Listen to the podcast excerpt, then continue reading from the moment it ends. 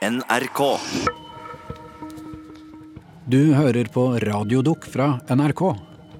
For de som elsker klassisk norsk science fiction, er Bing og Bringsvær selve definisjonen på sjangeren. I 50 år møttes radarparet Jon Bing og Tor Åge Bringsvær hver tirsdag for å skrive fantastiske fortellinger om fremtiden. Denne ble første gang sendt i 2014, men blir nå også tilgjengelig som podkast. Her er Minner om fremtiden av Ida Karine Gullvik. Mjau. Mjau. Tor Åge sitter ved kjøkkenbordet hjemme hos Jon og mjauer. Sara. Mjau. Mjau. Jon sin lille grønne ara-papegøye stirrer strengt på han gjennom sprinklene i buret sitt. Den kan ikke snakke, men den kan mjaue. Jeg prøver å innbille den at den er en katt. På stoler og bord og på gulvet rundt oss ligger det stabler og hauger med klær. En kurv full av bukser. Et lite fjell av nyinnkjøpte skjorter. Og drapert over noen gamle gensere, Jon sin lilla fløyelsjakke. Det er din tur. Her slutter historia, og her kan den begynne. Jeg satt her, ja. Du sa det. Mm. Vi sitter helt riktig. Hver tirsdag møttes to menn ved et kjøkkenbord. I et lite trehus mellom andre trehus satt de, med hvert sitt ark framfor seg, og dikta fantastiske historier om fremtida. Hovedkontroll Jord ville undersøkt et 300 år gammelt nødsignal fra den fjerde planeten rundt stjernen. Vi kom sammen på tirsdagen og lekte sammen. Det, det, det er det vi gjorde. Rundt den ene planeten fant vi det forlatte stjerneskipet. Og menneskene i det lille landet der de to bodde, banka på døra deres og spurte hva er det som kommer til å skje? Hvordan kommer framtida til å bli? Mange er jo litt engstelige for framtida og lurer på når den tenkende datamaskinen kommer. For hvordan blir vår nye virkelighet det som så kjekt kalles for virtual reality? Hva tror du da? Får vi kunstig intelligens en eller annen gang? Men du, når det gjelder alt dette teknologiske, Mange bruker jo datamaskinen til å spille med, da.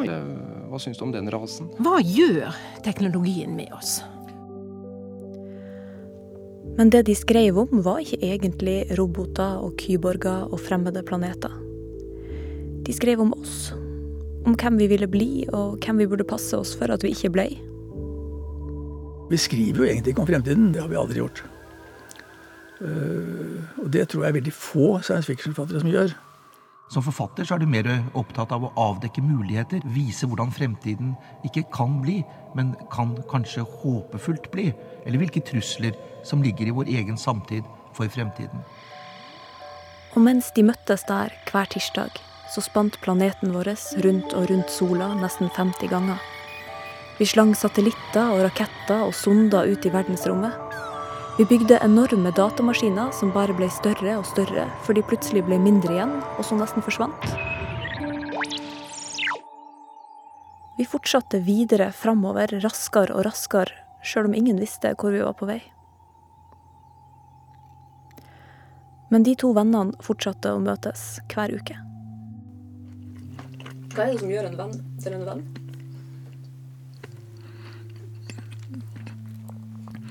Det er et menneske som, som kjenner deg, og som liker deg likevel. Det er en du kan, som du kan stole på. Selv om du er sånn som du er.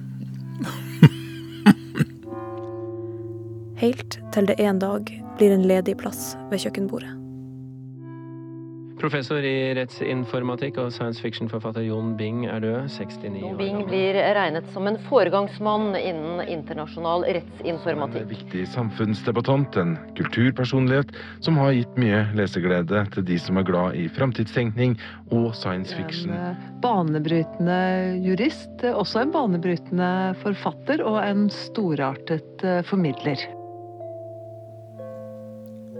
Så skjer når, Det er øh, både trist og tomt på en måte. Men, men øh, alle skal vi jo dø. Det er bare at noen stikker av altfor tidlig.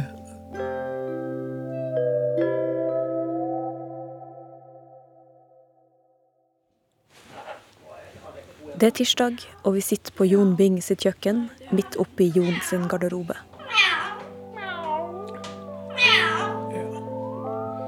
Du liker katter? Ja, ikke sant? Katter er søte, søte dyr. Papegøyen Sara skvaldrer om mjauer i buret sitt. Hvis hun blir alene, så skriker hun.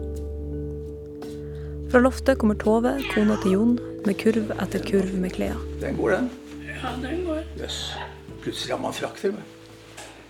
Men det, det greier seg, Tove. Nå får jeg ikke plass i bilen snart. Det er den rare tida etter at noen har gått bort, der man må tømme skap og skuffer. Bestemme seg for hva man vil ta med seg videre, hva som skal gis bort, hva som skal kastes. Og se framover. Hva? Hva? Med bøkene? Vil du ha dem? Nei, men jeg tar gjerne og Ja, men kan andre ta Jon ville gjerne at du skulle forsvinne ned her først. Jo, jo, jeg vet det. Jeg har jeg sagt om han også. Så jeg, hvis han- hvis jeg skulle ha, ha stukket av. Men, eh, men det er, jeg syns det er eh, vet ikke. Jeg syns det er for tidlig sånn. Jeg, jeg gjør unntak med de klærne. Fra veggene stirrer elefanter i alle mulige former og fasonger ned på oss. Jon var berømt for sin enorme samling med elefantrelaterte ting. Vi har begge samlet på elefanter. Eh, Men Jon har eventyrlig mange elefanter. Det er elefanter på alt mulig, fra kopper og kar til tannbørster. Den mest imponerende delen av samlinga er en kolleksjon med flere hundre slips, alle dekorert med ulike snabelvesen. Det er vel noe av det som var det fantastiske med Jon. At han, eh, han likte overdrivelser. Hvis det var- var noe han likte, så, Likte, så så var det voldsomt. voldsomt. Stemmen til Tove er ru og hes etter en operasjon i halsen i vinter. Men du var jo en eh, bauta i flere år, altså. Ja, det var du. Jeg mener, uten, uten deg så ville Jon sykle over åsen lenge før. Det er helt sikkert. Du var jo Ja, du de var sier så, men jeg Nei, du var jo sier fabelaktig det støtte, altså. Jeg, Du var det. det var legene som, eh, som gjorde han Nei. såpass frisk. Nei, det var deg. jo, det var det. Du holdt han i live. Det gjorde du. Der. Hva? Jeg tar sjansen. Jeg har aldri hatt i mitt liv.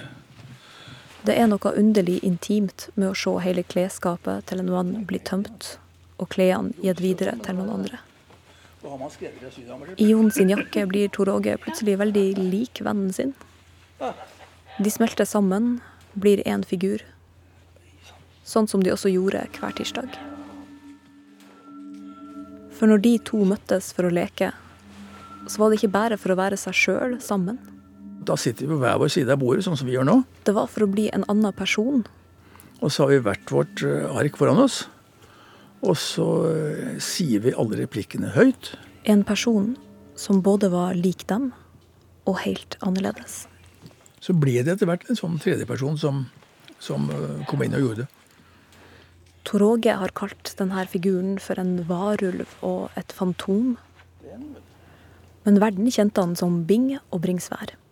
Og mens han dikterte, så satt Jon og Tor Åge og skrev. Og da er det to helt identiske håndskrevne manus som jeg har. Og gjennom han så dukka det opp et fantastisk univers befolka av roboter, detektiver, romskip og fremmede planeter.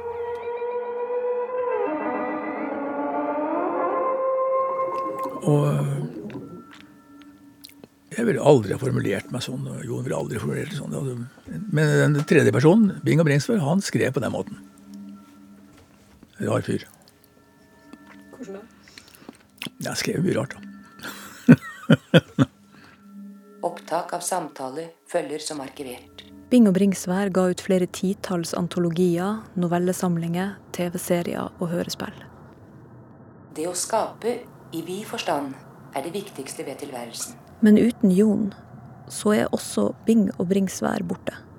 Det er ikke produktet, tingen, som er vesentlig, men prosessen. Eller er han det? Kanskje finnes det fortsatt spor etter han?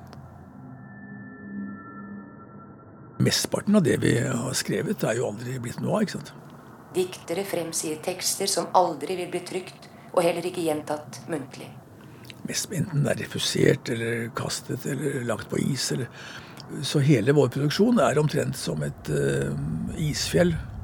Du ser bare den lille delen som stikker opp av vannet, men du skal vite hvor svær den klumpen er under vann. altså.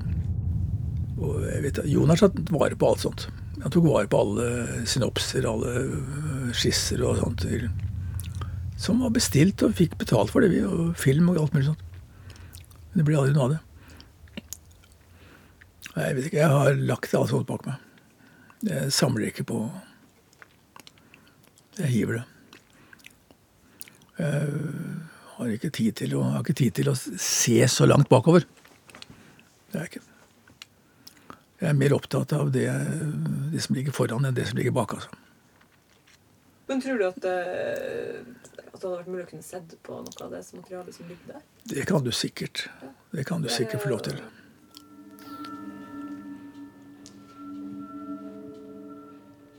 Kanskje venter Bing og Bringsvær på oss et eller annet sted i dette huset.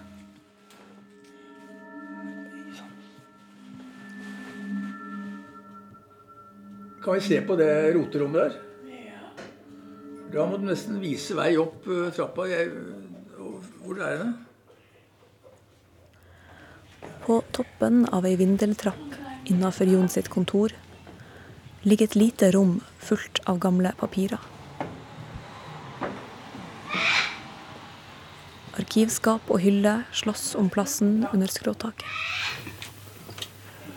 Uh, se, Tor Åge. Han pleier å være systematisk på Ja, han pleide å være veldig systematisk. På hyllen står tidsskrifter, arkivkassetter, bøker, ringpermer som har kasta opp innmaten sin på gulvet. ja. Men de siste årene så var han ikke så systematisk. Nei. Det er hele Jon sitt liv, virker det som. Men Bing og Bringsvær skal vise seg å bli vanskeligere å finne. Men jeg ser ikke noe av at det er disse manusene. Jeg innbiller meg at det var, at det var permer. Også her er det elefanter. Dyret som aldri glemmer. Rommet kjennes både ut som en tidskapsel og en tidsmaskin.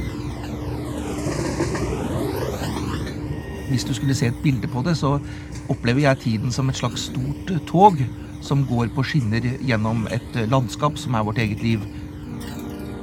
Vi er passasjerer på toget og kan også bevege oss gjennom toget. Våre egne erfaringer, våre egne håp og minner, vår egen bevissthet gjør det mulig for oss å reise litt i tiden. Litt fremover og litt bakover. Men samtidig så bæres vi hele tiden ubønnhørlig videre langs dette sporet inn mot en fremtid vi ikke kjenner.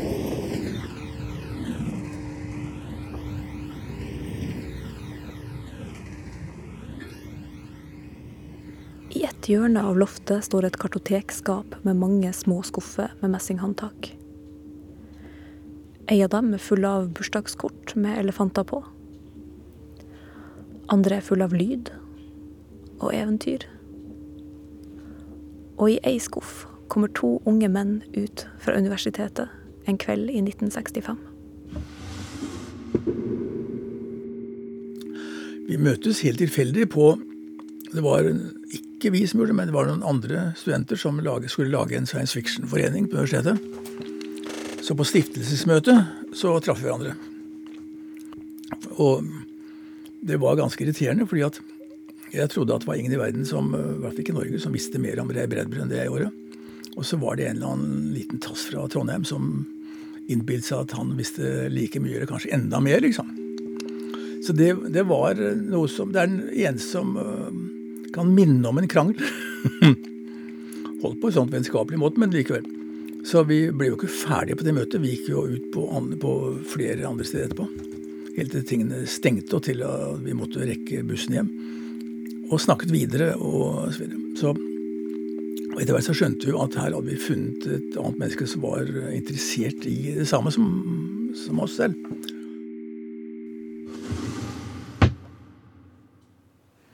Hvordan skilte det vennskapet mellom deg og Jon seg fra det du har med, med andre?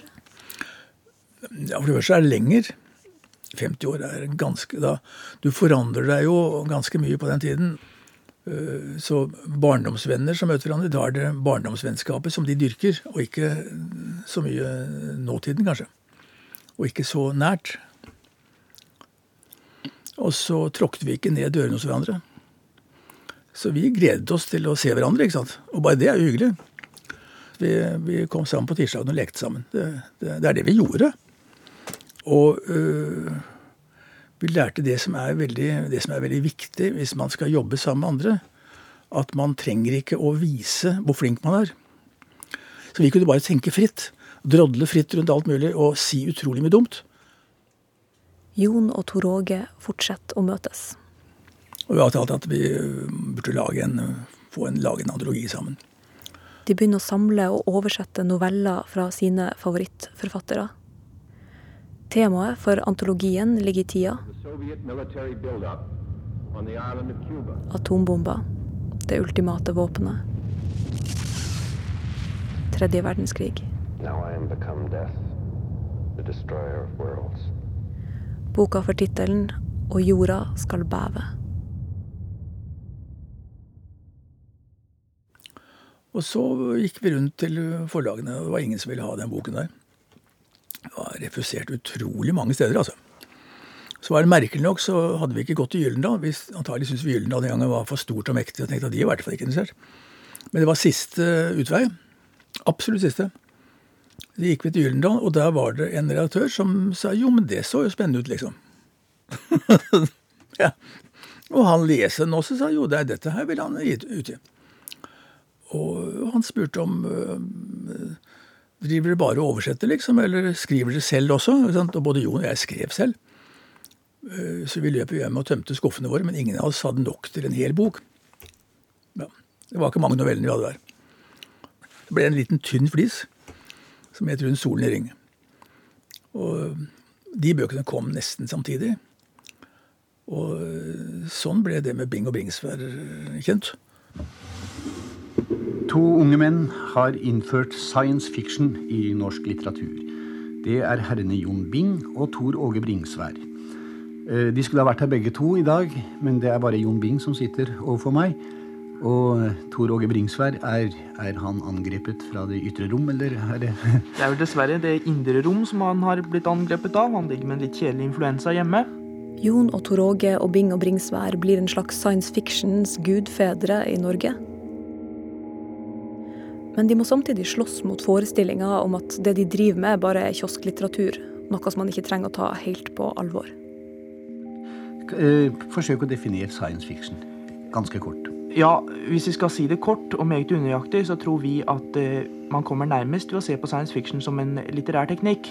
Ja. Som da sprenger i virkelighetens ramme. Vi skriver jo egentlig ikke om fremtiden. Det er det som er Det, det, det har vi aldri gjort. Uh, og det tror jeg veldig få science fiction-forfattere som gjør. Det er uh, Rene amatører gjør det. De spår om bedre støvsugere, bedre våpen, bedre raketter. Men uh, folk som virkelig er interessert i science fiction, de er jo interessert i å De ser jo på ting som er i sin egen samtid. Så du, du ser problemer og håp og trusler i din egen samtid, og så forstørrer du det opp og flytter det til en annen tid. Ja, også denne science fiction-litteraturen består ikke bare av grønnøyde monstre fra det, Mars og, og, sånt. Nei, selv om det er det eh, man i Norge lettest tenker på, så er det absolutt ikke det som dominerer moderne science fiction. Står noe her som ser litt eldre ut. Ja. Uh, noe som er alfabetisert. Eldre ting liker vi. Men til tross for at enkelte er skeptisk til denne nye sjangeren, så entrer Bing og Bringsvær scenen på akkurat riktig tidspunkt. Han klipper ut aviser og sånt, limt inn alt sammen. Og at han funnet aviser og blader om solsystem og Det her er hans egen bok om Det her er 62? Ja, Verdensrommet er i ferd med å åpne seg. Alle ser opp mot stjernen. En geologisk rakett mot jordens indre? Ja. Fremtida er så nær at vi nærmest kan ta på den. Dette er før det å reise på ferie til Syden har blitt vanlig. Men allerede så virker charterturer til andre planeter som en mulighet. Her, ja. 5RA. Astronomiens Astronomiens utvikling. Ja. I ei skuff i kommoden ligger det kanskje også en billett til månen. Se her, vet du. Jeg tror at vi er på sporet av noe her.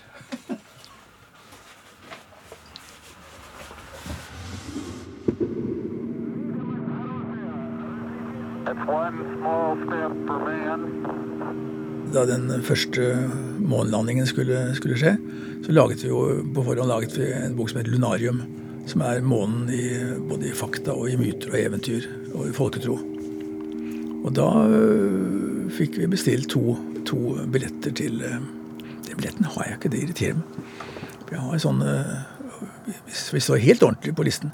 Så vi har øh, reservert øh, to plasser på Panams første øh, kommersielle måneflight. Det er reservert.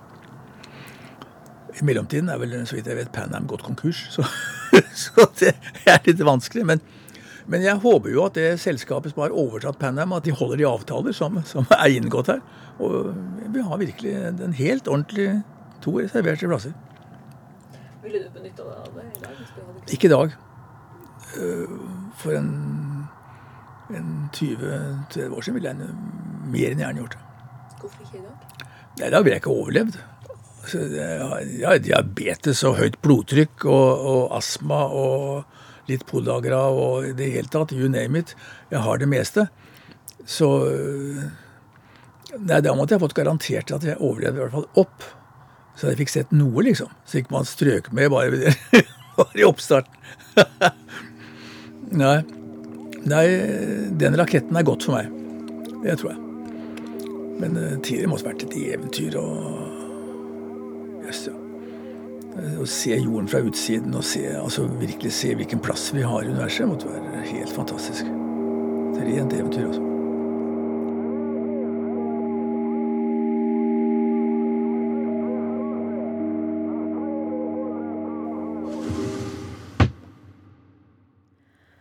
Så langt er det få spor å finne etter Bing og Bringsvær sine manuskripter.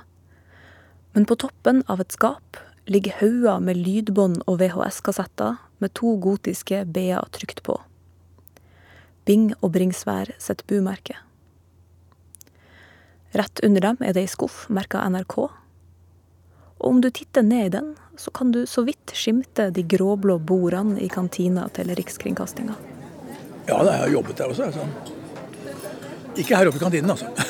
men, men i huset. Ja. ja, ja. Tor Åge var radiojournalist her på 60-tallet, da sigarettrøyken lå tjukk over rundstykkene i kjøledisken. Lyttere kunne høre hans utlegninger om Gud, om månen og om den fantastiske fremtidslitteraturen. Og om du hadde flaks, så kunne du også høre en pur ung Jon Bing intervjue science fiction-forfatter Brian Aldis. Aldis sier at han er svært opptatt av de muligheter science fiction har innen 60-årenes litteratur. That science fiction is not just a form of entertainment, of rarefied entertainment.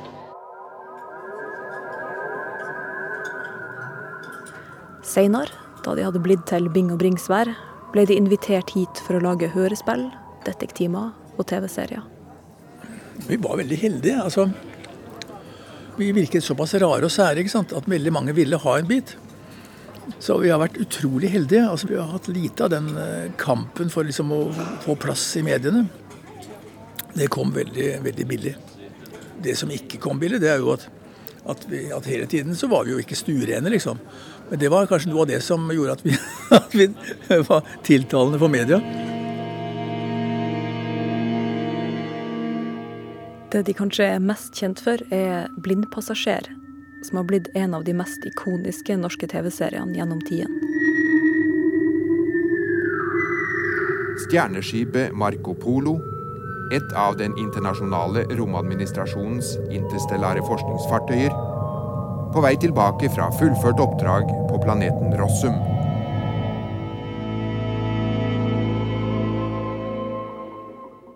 Serien sendes på NRK i 1978. Omtrent samtidig begynner et lite selskap med et eple som logo å produsere datamaskiner. Året etter klarer en robot for første gang å bevege seg gjennom et rom uten hjelp fra mennesker.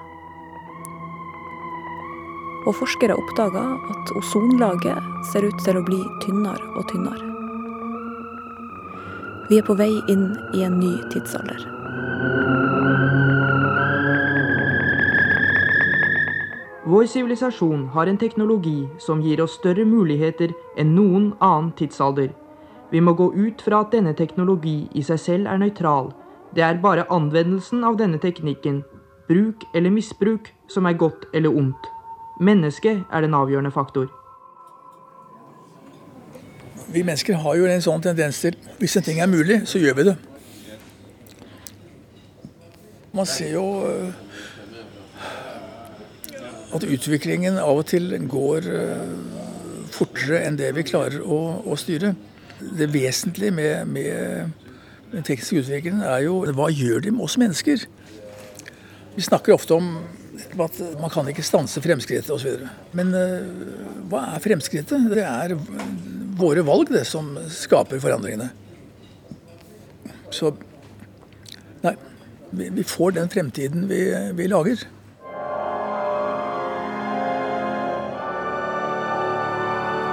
Menneskene har alltid vært en trussel mot seg sjøl i science fiction-litteraturen. Rossen er en planet styrt av roboter. Min teori er at robotene opprinnelig var programmert for å gjenopprette den økologiske balansen i naturen. På 60-tallet var det atombomber. Det er mye som tyder på det. For Bing og Brings vær er det forholdet mellom mennesker og maskiner. Mennesker og natur. Omsorgen for alt levende. Den uforklarlige prioriteringen av det vi tidligere kalte primærnæringene. Jordbruk, skogbruk, viltstell. Ja, sånn. Hvor ble det av de som skapte robotene? Hva med alle menneskene?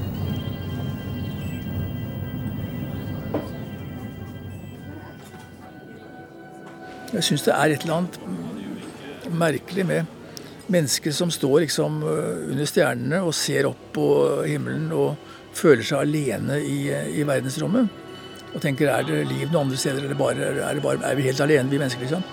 Hadde de istedenfor å stå med nesa i været, hvis de hadde sett ned og rundt seg, så lever vi på en klode som yrer av liv. Og det er kanskje også en eh, skapninger som vi burde være mer interessert i å få kontakt med og komme på god fot med. Hvis jeg har rett, mistet menneskene kontrollen over robotene. Hvordan det har skjedd, er vanskelig å si. Det kan ha skjedd gradvis, eller ved en katastrofe, en krig eller noe sånt. i alle fall. De mistet kontrollen. Og robotene fortsatte med det de var programmert for. Oppgaven var å fjerne alt som hindret gjenopprettelsen av den økologiske balansen i naturen. Og nå innså robotene ganske riktig at det største hinderet var menneskenes egen sivilisasjon.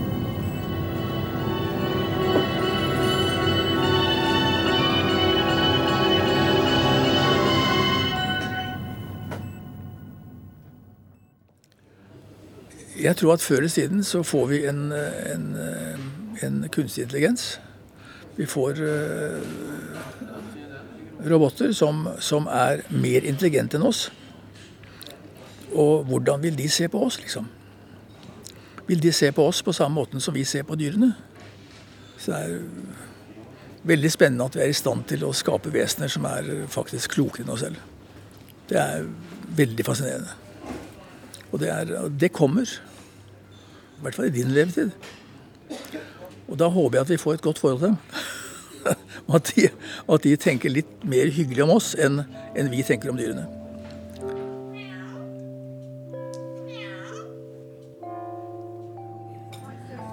Og mens verden spant inn i framtida, snurra også Jon og Tor Åge sine liv videre. Forelskelser, unger, ekteskap, brudd. Men var det sånn at hvis det, dere hadde problemer, hvis du var trist for et eller annet ja. var det Jon du kom til? Ja? Det var det. Det var ting vi liksom holdt utenom arbeidsøkta. og det var det som var det morsomme og spennende. Det var jobbetimene som var, var spennende, altså. Så da var vi nok ikke opptatt av å snakke om altfor mye annet. Var, å bli Bing og Bringsvær så fort som mulig og komme inn i den leken der. Jeg tror, jeg tror egentlig øh, vennskap mellom menn er øh, det er fælt å si men litt dypere, faktisk. Hvis man eh, tar den ordentlig, så ligger det jo i mannsrollen en mer omsorg enn hos kvinner. Eh, Helt fra tidlig huleboer i jegerstadiet så, så har mannen tatt ansvar for flokken sin. Det er omtrent som ulver, eller som hunder mennesker man da tar inn i sin krets, de tar man ansvaret for liksom, og omsorg for. og sånt. Men, men det er klart at man, man, trenger ikke å bruke så mange ord på det. Jeg syns det er veldig fint at man vet og føler og sånne ting uten at man trenger akkurat å, å snakke så veldig mye om det, liksom. Opptak av samtale følger som arkivert. Jon hva? De fornekter tiden, både fremtid og fortid. Jon er. De lever i et ubestemt nå. Mens vi snakker, så bytter Tor Åge mellom fortid og nutid.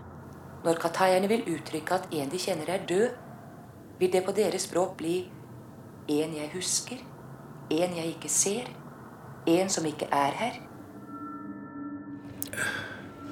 Det er jo, altså Folk er jo ikke ordentlig døde før vi har sluttet å tenke på dem. Det er først da de er borte. Og jeg kommer til å ha Jon med meg bestandig, tror jeg. På en måte så vil Bing og Bringsvær være et spøkelse som, som jeg lever sammen med. Årene går. Tor Åge og Jon skriver bøker, vinner priser. Sammen og hver for seg. Jon blir professor i rettsinformatikk, leder for Kulturrådet, ridder av St. Olavs orden. Jeg oppfatter meg selv som veldig arbeidsom og har en stor arbeidskapasitet. Og jeg er en sinke i forhold til det Jon var. Han hadde en arbeidskapasitet som kunne skremme gud og hvermann. Helt utrolig, altså.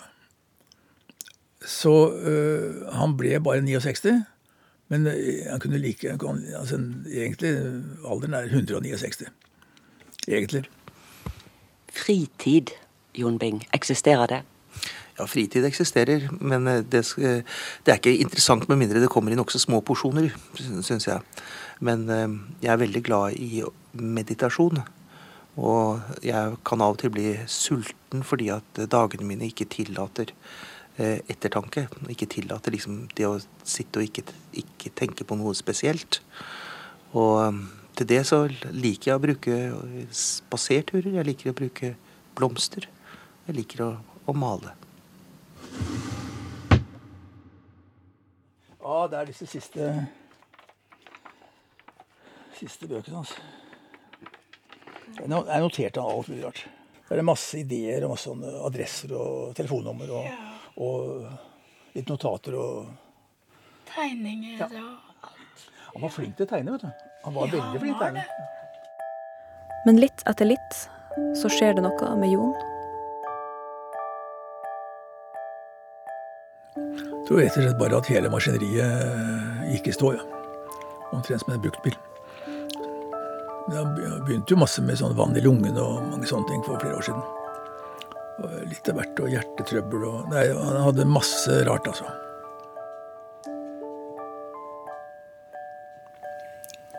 Jeg var fem uker på Lanzarote før jul.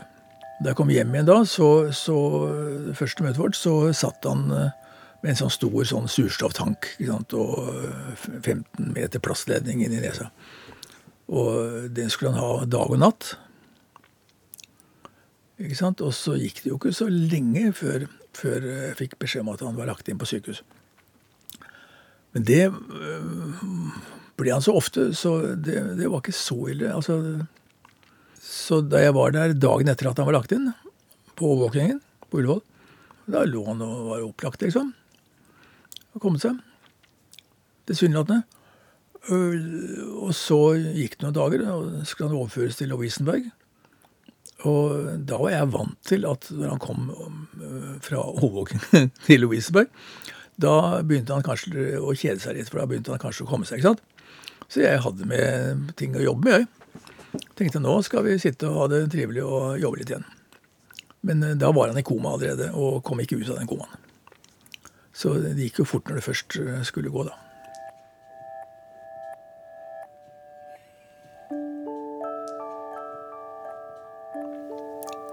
Det jeg var engstelig for, det var jo at det skulle skje noe med hodet hans. Ikke sant? For Du vet jo aldri når folk ligger i koma sånn, og det har vært noe tull med hjertestans og sånt, så vet du jo ikke hvordan det går med hjernen. ikke sant? Det ville vært så sårt hvis eh, et av de klokeste og eh, skarpeste og hyggeligste hodene skulle bli helt forandret. Så jeg husker jeg tenkte at uh, kanskje det er like greit at uh, han ikke våkner. Det ville ikke vært Jon, altså. For han var uh, Det er kanskje det mest oppegående mennesket jeg har møtt i mitt liv. Så det var greit at han var seg selv til, helt til det siste. Så det siste han, han sa til meg, det var jo på overvåkning på Ullevål det var at jeg måtte huske på å gi beskjed til Pax Forlag at nå hadde han bare to arbeidsdager igjen, så, så var han ferdig med den essaysamlingen som han hadde lovet dem. Ja, det er klart. Så jeg ringte til Pax og jeg sa det var god melding. Det er det absolutt siste jeg hørte Jon si.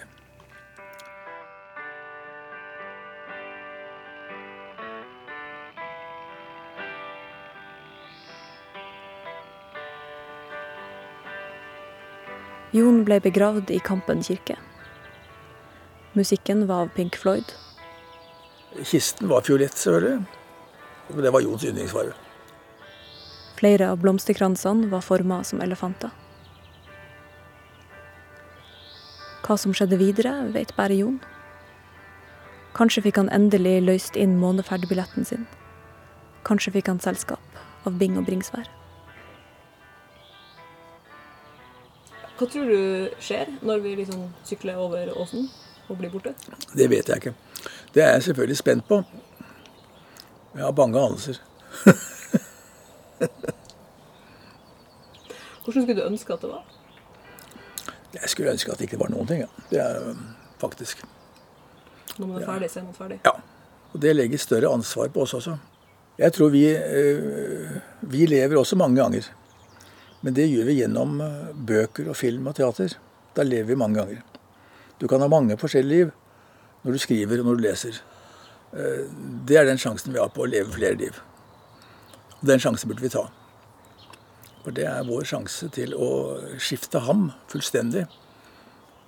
Og det er, eh, og det er, det er, det er nok. Dette er, men det er bare dette, dette er ikke Bing Bringsvær. Det er Jon, og det er eh, Vi har nå gått gjennom alle sannsynlige og usannsynlige gjemmesteder på loftet uten å finne noe. Bing og Bringsvær er og blir borte. Han har vel vært fornuftig da, kanskje, å kaste til Bing og Bringsvær, tenker jeg. Hvis ikke det er noe som er låst dette er. I hjørnet ved vinduet står et brunt treskap med skyvedør. Nøkkelen står i låsen, men døra rykker seg ikke. Skal jeg prøve å rekke den? Nå er jeg kløp, selvfølgelig. Skal jeg prøve å Ja, du må trå til. Her trenger man hender, så det er mer praktisk.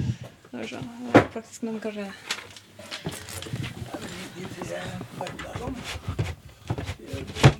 Og så, som Aladdins hule,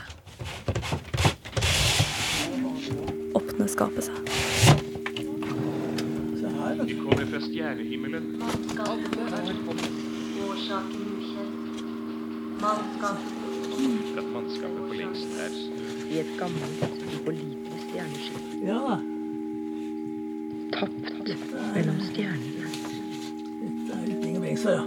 Dette er Bing Bringsvær alt sammen, nesten, tror jeg. Program 2755 har jeg, vil si datamaskinen, rett til å nedlegge veto når mennesker To håndskrifter, tett i tett, på gule ark. Et halvt århundrets verdt av papirer, notater, ideer, skisser. Dette er om tegneserier. Dekka av støv og spindelvev. Vi hadde jo et, et program om tegneserier også i Her er Bing og Bringsvær. Her er blindpassasjer. hørespillene fra andre planeter, detektivene, hundrevis av timer med lek, et vell av tirsdager. Dette er Her Tor Åge blar gjennom Øya-mappen. Så legger han den fra seg.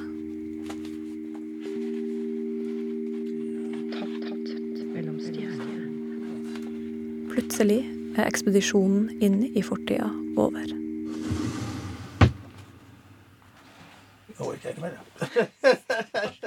Han børster støvet av buksen og går.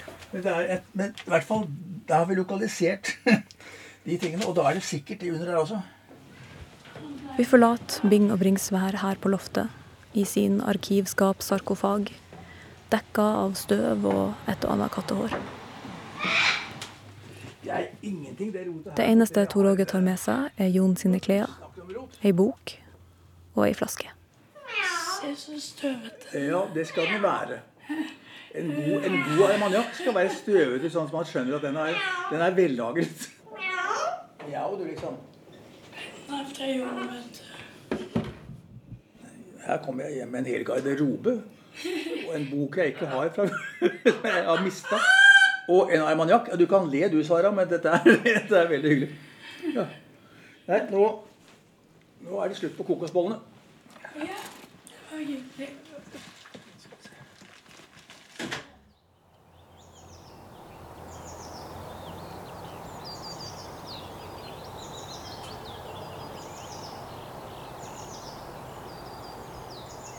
Noen uker seinere sitter vi i solveggen hjemme hos Tor Åge. Det er varmt, egentlig altfor varmt for april. Frukttrærne har allerede begynt å blomstre. Naturen virker som den har blitt litt usynkron. Planter og dyr og insekter sliter med å holde følge med hverandre. Jeg har vært bekymra for en ting nå. Jeg, jeg, jeg har jo tre fuglekasser på veggen på arbeidshuset. Nå er det noen kjøttmeis som er kommet der. Og de kom veldig tidlig. Og så tenker jeg ja, men øh, øh, har vi nok mygg og fluer og sånt nå? For at, at fuglene kom tidlig, det var det så, men, men, men øh, har de noe å spise og gi disse barna sine? Ja. Bak oss, i et vindu, smiler et bilde av Jon. Nei, det står i kjøkkenvinduet, så kan vi i det minste spise frokost sammen. Jeg tenker på stabelen med ark som ligger gjemt bort på Jon sitt loft. 50 år med vennskap og samarbeid, samla i Manila-foldere. To forskjellige håndskrifter på gulbrunt papir. Hva skjer med dem nå? Det bringes vær uten Bing et romskip som fortsetter inn i natta uten å se seg tilbake?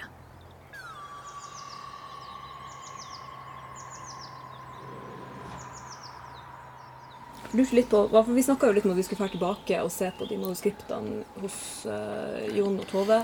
Men uh, du Jeg tror jeg skal ta lang tid før jeg gjør det. Jeg tror det. Okay. Jeg kunne godt tenke meg å gjøre det. Men jeg tror jeg skal Jeg skal vente en god stund. Og få det, litt, få det enda mer på avstand, tror jeg.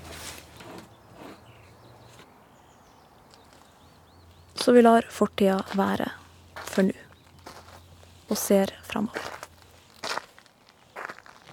Det er så mye spennende og mye rart at man blir ikke ferdig med det livet her. Det er ikke mulig å bli det. For det er alltid nye ting å undersøke, nye ting å, å finne ut av. Hvis man er sånn noenlunde frisk og kan glede seg over alt det rare og merkelige og skjøre som finnes så vil jeg gjerne være her så lenge som mulig. altså. Så det Der har vi En liten humle. Og imens så spinner planeten vår videre og videre. Der kom det bo, vet du. Inni der. Hvor vi er på vei, er det ingen som vet. Ja! Kumle i veggen. Det er sant. Det er bare å krumme nakken og la fremtiden bryte løs.